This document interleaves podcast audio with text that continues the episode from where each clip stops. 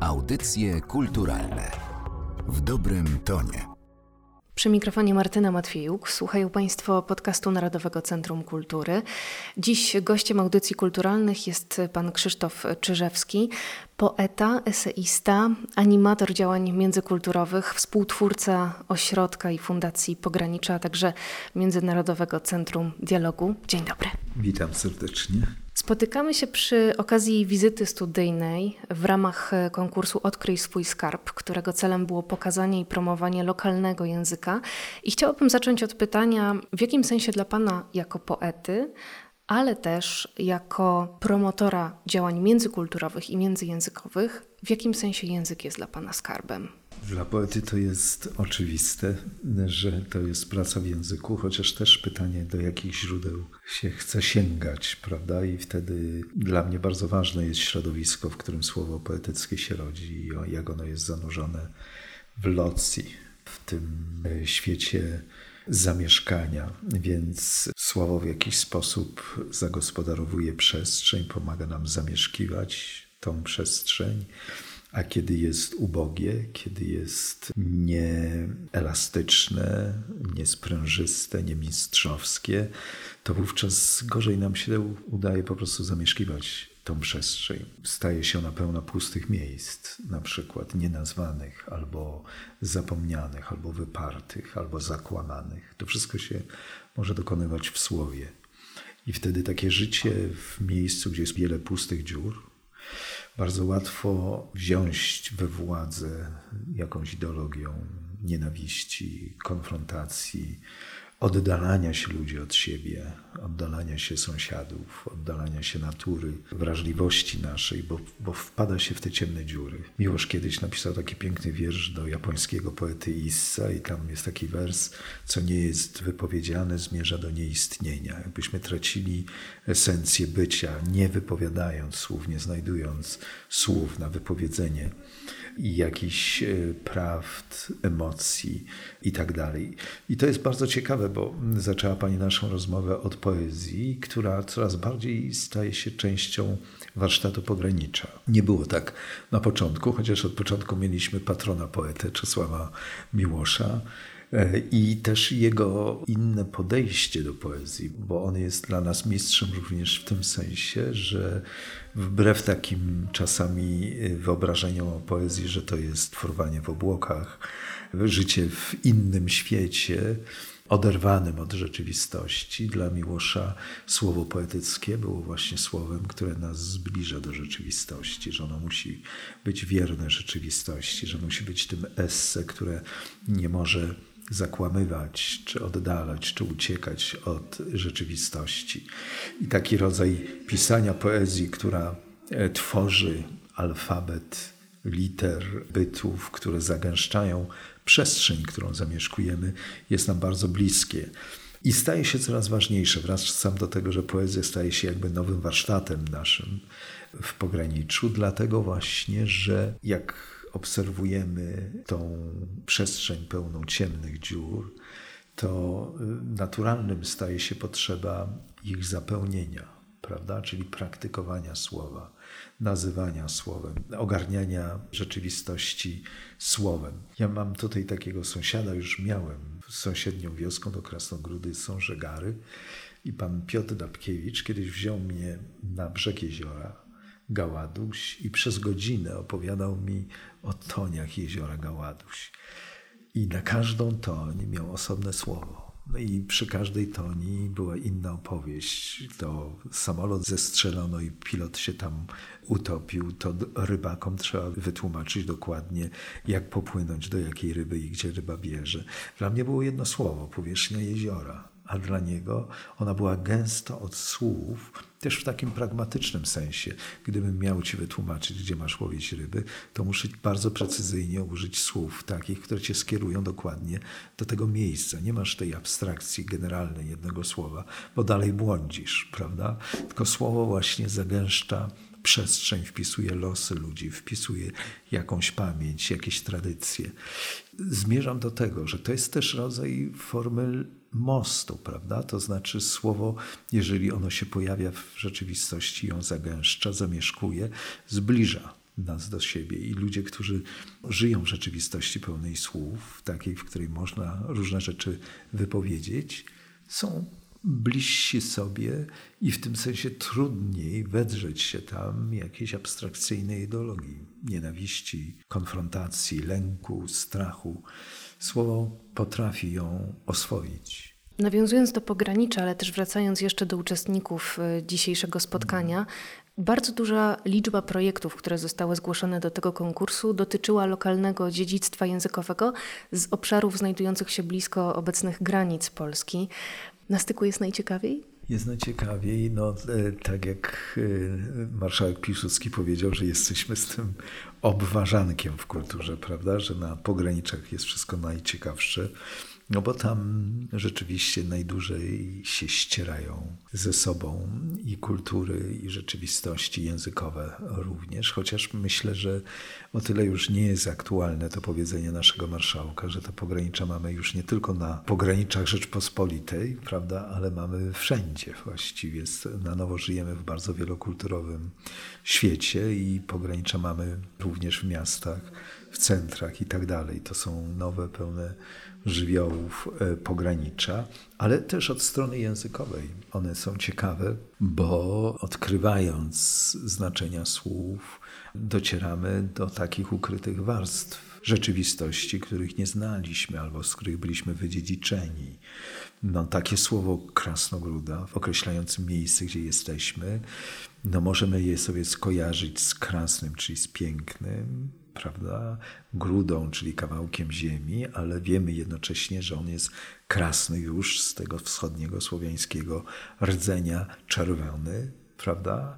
Czyli ziemia jest tutaj czerwona, pełna ród żelaza, a gdybyśmy sięgnęli jeszcze do źródła słowu litewskiego, grudes znaczy ziarno i wtedy nagle ta symbolika z całego słowa zaczyna się mienić dużo większą ilością sensów, znaczeń niż gdybyśmy to monolitycznie, prawda, spojrzeli tylko z jednej perspektywy jednego języka. I to jest całe bogactwo pogranicza, że czasami, żeby móc być opisane, a ponieważ jest tak złożone, tak dynamiczne, tak zróżnicowane, to potrzebuje bardzo bogatego języka, prawda, bardzo wielu słów, które są też odważne w takim sensie, że przekraczają słowa zwykłe, sztampowe, ramowe, one się po prostu nie przypisują tutaj do rzeczywistości. No takie słowo pogranicze. Przecież nie przez nas wymyślone, ale jednak przywieźliśmy to słowo, jakby wprowadziliśmy je na nowo do języka. Ono na początku budziło lęk, gdy powstawaliśmy, bo pogranicze, no to wiadomo co. Człowiek pogranicza to znaczy co? Nie Litwin, nie Polak, nie Żyd, człowiek pogranicza, nieprawdziwy Polak, mieszaniec. To się źle kojarzyło, za to ludzie dużą cenę płacili w XX wieku, prawda? Więc, e, więc był lęk przed tym słowem, chociaż gdzieś wewnątrz ono w każdej rodzinie żyło, prawda? Bo nie ma tutaj stricte czystych, homogenicznych rodzin, więc zawsze się miało tego wujka Litwina, babcię Żydówkę, czy jeszcze inne wpływy kulturowe czy językowe. Więc musiało się pojawić słowo, właśnie takie pogranicze. Ono jest, uważam, w ogóle bardzo bardzo trudne do przetłumaczenia na języki zachodnie, bo się najczęściej tłumaczy je borderline na zachodnie języki, co jest zupełnie mylne, bo to jest taka jedna linia oddzielająca, prawda? To rozumiemy wtedy rzeczywistość jako taką... Kojarzy się z granicą. Właśnie, ostrą granicę rozdzielającą. Nasze słowo pogranicze jest bardziej borderland, czyli ziemia wspólna, prawda? Ziemia, kraj, zamieszkany przez różnych ludzi, różne języki, różne kultury, różne religie, ale żyjących razem, żyjących po sąsiedzku. To jest ten model świata, do którego teraz na nowo zmierzamy, prawda? On się staje teraz rzeczywistością. I on cały jest ujęty w tym jednym kosmosie słowa pogranicze, którego nie da się sprowadzić do borderline właśnie do linii, do granicy. Tutaj dochodzimy do budowania tych niewidzialnych mostów, o których e, Pan mówi. I chciałabym właśnie zapytać też o ich istotę, bo ja wychowałam się w Terespolu. To jest e, miejscowość, która jest przy rzece Bóg, na której przebiega obecnie granica Polski. Za jej drugą e, stroną jest białoruski Brześć. I z Terespola widać kominy Brześcia, widać jego zabudowę, czasami czuć zapach. Ja dopiero jako dorosła osoba mogłam kupić wizę, pojechać tam, stanąć na drugiej stronie tej rzeki, spojrzeć na swoje miasto, być obok twierdzy, która dla mnie była obca, podczas gdy moi pradziadkowie jeździli tam każdego dnia do pracy. Czasami jest tak, że sąsiedzi są bardzo daleko. Tak, a jednocześnie musiało panią cały czas ciekawić, co jest tam na tym drugim brzegu, prawda? I że jest w człowieku ból z tego powodu, że nie może przekroczyć. Ktoś mu odbiera tą możliwość. Nie ma mostu. Brak mostu boli. I nasze miasta, cywilizacje, siedliska życia zawsze rozwijają się, bardzo często rozwijają się na brzegu rzeki, ale nie znam takiego, które by się na jednym brzegu rozwinęło, prawda? Czyli naturalną naszą potrzebą jest przekroczenie na drugi brzeg, objęcie drugiej strony, czy to z ciekawości, czy z miłości, czy z próby zdobycia wiedzy, prawda? Różne są temu powody, ale to jest pytanie, które bardzo często do mnie wraca, zwłaszcza to na takich bolesnych pograniczach w czasie wojen. No, po co ci te mosty? Zobacz, co się dzieje w byłej Jugosławii, co się dzieje dzisiaj w Ukrainie. Mosty wylatują w powietrze, prawda?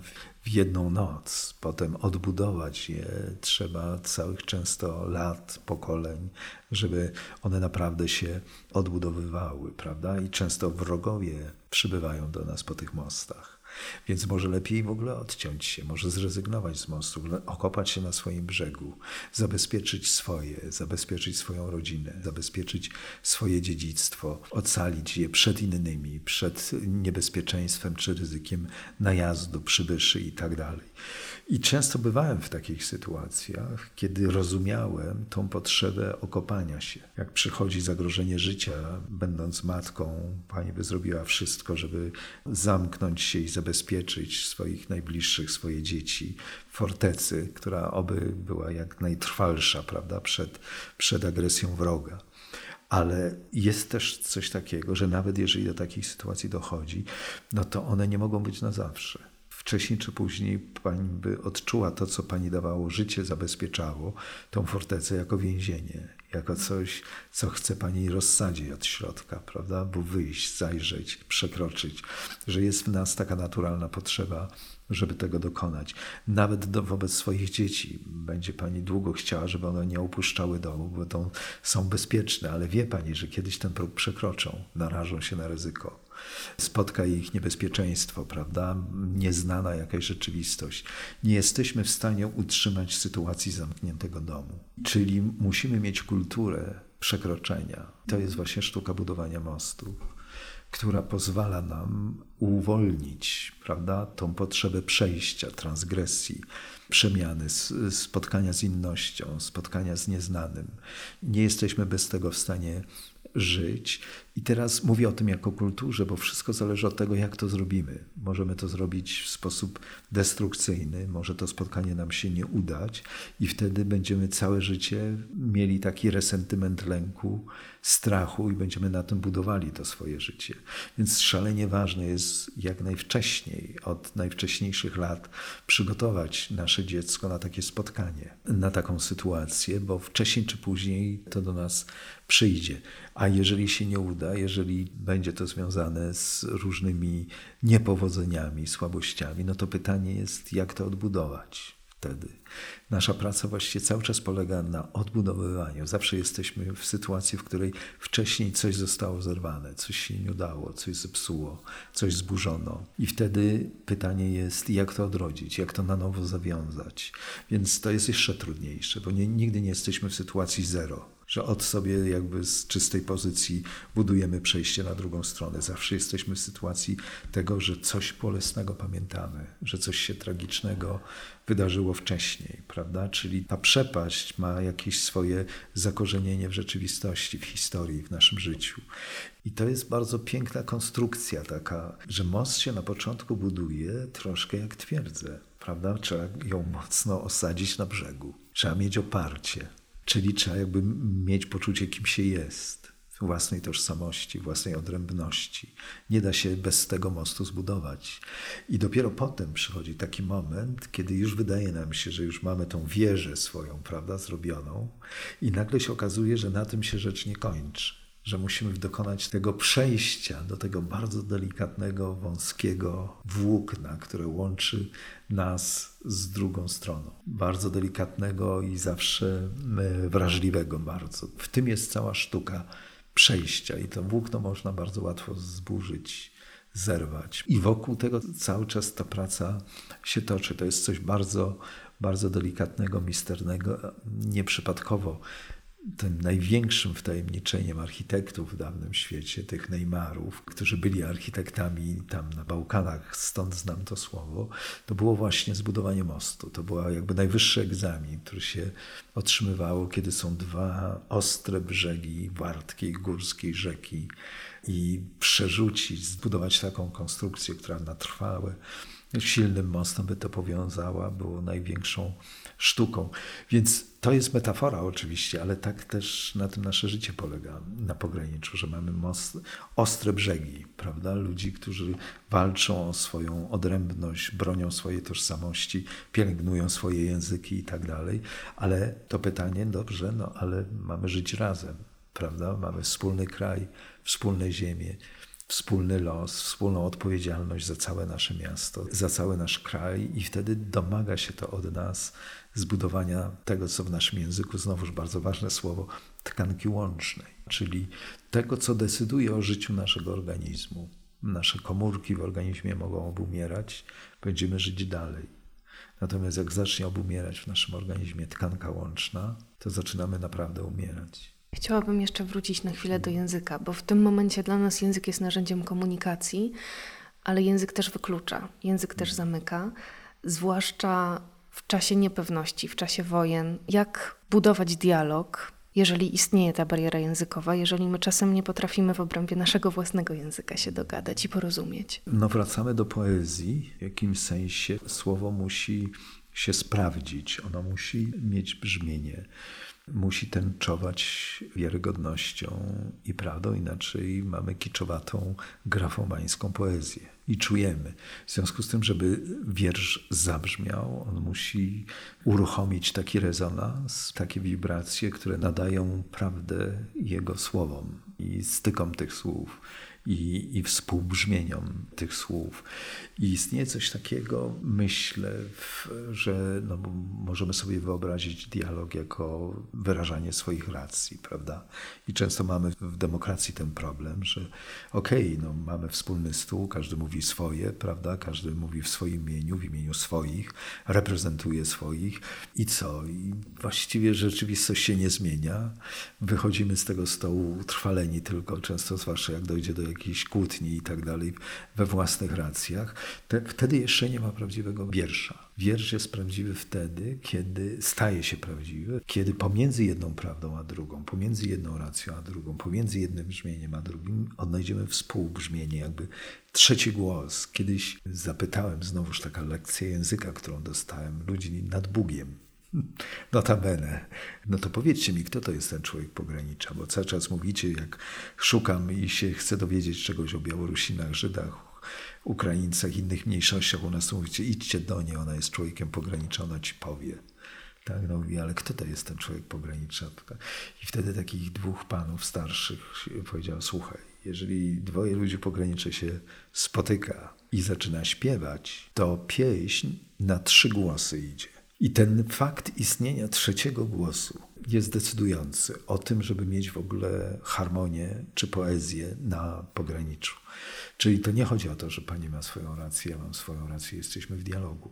Tylko musi po pojawić się ten trzeci głos, który nie należy ani do pani, ani do mnie, który jest jakby poza nami, ale zestraja, prawda? Jest jakby troszkę inną rzeczywistością, w której nasze nasze wykluczające się często racje, pamięci i tak dalej mogą się zestrajać. I ta sztuka słyszenia, ja myślę, że musi na przykład dyrygent chóru, myślę, że musi mieć coś podobnego. Nie wystarczy, że on cztery głosy będzie wysłuchiwał altów, sopranów, basów, tenorów w swoim chórze. To jeszcze nie wystarczy do zestrojenia chóru. Musi się pojawić taki głos, dźwięk pomiędzy. On musi mieć taki słuch na to, żeby po prostu jakby odbierać całość brzmienia, prawda, współbrzmienia tego. To jest taki słuch, myślę, ludzi pogranicza w wielokulturowych społecznościach, którzy oni wiedzą, że jeżeli ten głos się sprzeniewierzy, jeżeli się stanie przeciwko niemu, to wtedy następuje destrukcja. To znaczy, to jest ta granica właśnie, że kiedy się zrywa tą harmonię i wtedy ludzie pogranicza czują, że ten most będzie zburzony że idzie do złego, że nadchodzi coś, co, co zaczyna burzyć ten rodzaj harmonii, którą żeśmy zbudowali. Jeżeli mówię harmonii, to nie w sensie, że każdy wpada sobie w objęcia i wszyscy się kochamy, prawda? Różnimy się, kłócimy się, mamy odrębne racje, ale współistniejemy w taki sposób nieniszczycielski dla siebie. Sprzeniewierzenie się temu trzeciemu głosowi to jest moment, kiedy czujesz, to się zaczyna kończyć, że przekroczyliśmy tą granicę, za którą jest destrukcja, zniszczenie i śmierć. I to, co nas budowało do tej pory, ta wielogłosowość, która dawała ten potencjał naszego bogactwa, nagle zaczyna się obracać w destrukcję i w zniszczenie. I wtedy, jeżeli mamy wyczucie tego, to zrobimy wszystko, żeby to się nie stało. To znaczy, staniemy na straży, naszym patriotyzmem wtedy będzie stanięcie na straży tego trzeciego głosu, który jakby scala całą naszą wspólnotowość i tą, e, tą harmonię. I oczywiście jesteśmy cały czas, mówiąc zwłaszcza o współczesnym świecie, w takiej sytuacji, że, że do tego dochodzi, prawda? że zatracamy, że ta siła propagandy, nienawiści, konfrontacji jest tak wielka, że w ogóle przestajemy słyszeć, nawet wierzyć w istnienie takiego głosu, prawda? Że nagle wyobrażamy sobie, że w ogóle świat zawsze tak istniał i będzie istniał, to znaczy na, na zasadzie zwalczających się ze sobą brzegów, prawda? I że, że taka logika jest jakby logiką wieczności, prawda? Ja się cały czas boję w takich sytuacjach wojen, prawda, jak Rosja teraz prowadzi z Ukrainą, że to jest taka logika wieczności w tym sensie, że zawsze tak było i inaczej być nie może, prawda, i że to, co robiła Ukraina, stawała się coraz bardziej krajem demokratycznym i dobrego życia, że właściwie zaczęła być w sprzeczności w tym przekonaniu, że to nie może się udać, prawda? Czy musi być tak jak na naszych warunkach. Więc to jest ta sytuacja wtedy, kiedy dochodzi do głosu ten inny głos, prawda? Ten spoza takiej ostrej konfrontacji, że tak zawsze, zawsze było. Myślę, że praca, nie wiem, kultury, edukacji, sztuki, tego wszystkiego, nad czym pracujemy, to jest praca nad przywracaniem cały czas tego głosu, prawda? Tego słuchu na trzeciego, czyli wychodzenie jakby poza binarność naszych sytuacji, poza tylko konfrontacyjność, że człowiek no jakby pani spotkała tutaj naszych ludzi z naszego pogranicza, nie wiem, i poprosiła pani, żeby zaśpiewali jakąś pieśń, to jakby byli sami tak jak ja, zaczęli śpiewać, to były intuicyjnie albo w przerwach dośpiewywali drugi i trzeci głos, bo ten jeden głos tylko idący to w ogóle jakoś się nie kojarzy z pieśnią, prawda? Pieśń ma od razu, słyszy się w niej ten drugi, trzeci głos, który dochodzą i wtedy dopiero czujemy, że ona jest prawdziwa, prawda? Że to jest ten prawdziwy głos, prawdziwy wiersz, prawdziwy poemat. Jeżeli to się spłaszczy, prawda, do jakiegoś hegemonicznego, monolitycznego kośćca, to wtedy nam coś ucieka i zaczynamy cierpieć, zaczyna nam to przeszkadzać, zaczyna nas to boleć. Oby tak było. Jak przestanie boleć, to już jest, znaczy, że zapomnieliśmy, że coś, coś naprawdę zgubiliśmy. Kiedy mówił Pan o tym trzecim głosie, to przypomniałam sobie Republikę Głuchych Ili Kamińskiego, gdzie mieszkańcy okupowanej wioski wykształcają swój własny język w opozycji do swojego oprawcy i głuchota, albo wrodzona, albo świadomie nabyta, jest ich narzędziem oporu, ich też kodem i sposobem, dzięki któremu mogą się komunikować. Też miejsce, w którym dzisiaj się spotykamy, czyli dwór Czesława Miłosza w Krasnogródzie, jest y, bardzo szczególnym punktem, jeśli chodzi o współistnienie i spotkanie y, z drugą osobą. I chciałabym na zakończenie zapytać, czy dla Pana, jako człowieka, który nie jest oryginalnie stąd, ale też stale podróżuje, to miejsce jest domem ja byłem przez dużą część swojego życia rzeczywiście takim cygańskim włóczęgą, ale też byłem z generacji, które nie odziedziczyło, że tak powiem, domu w sensie małej ojczyzny. Żeśmy żyli nie tam, gdzie nasi przodkowie żyli. Ja się wychowywałem w Śremie, w Poznaniu, a więc w miejscach, do których dopiero moi rodzice po raz pierwszy dojechali, będąc gdzieś z Lubelszczyzny, gdzieś z Płocka, więc wszystko było w ruchu.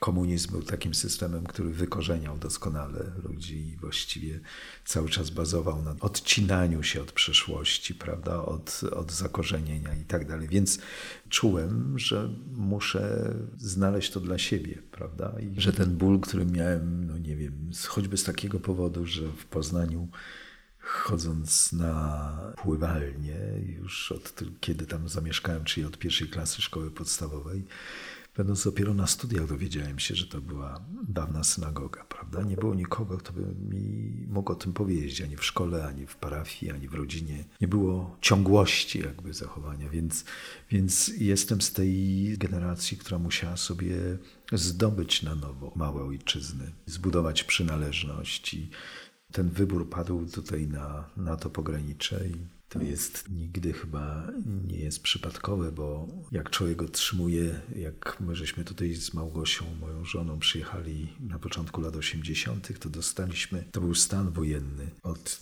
no, nieznanego zupełnie człowieka, który wracał z miasteczka i na kartki dla całej rodziny wykupił prowiant na miesiąc, bo tak się kupowało wtedy żywność. I po paru słowach rozmowy on nam całe te swoje bogactwo zapakował do plecaków. Uważał, że tak trzeba ugościć tych przybyszów i czuliśmy, że nawet gdybyśmy zaprotestowali, to byśmy go tylko obrazili.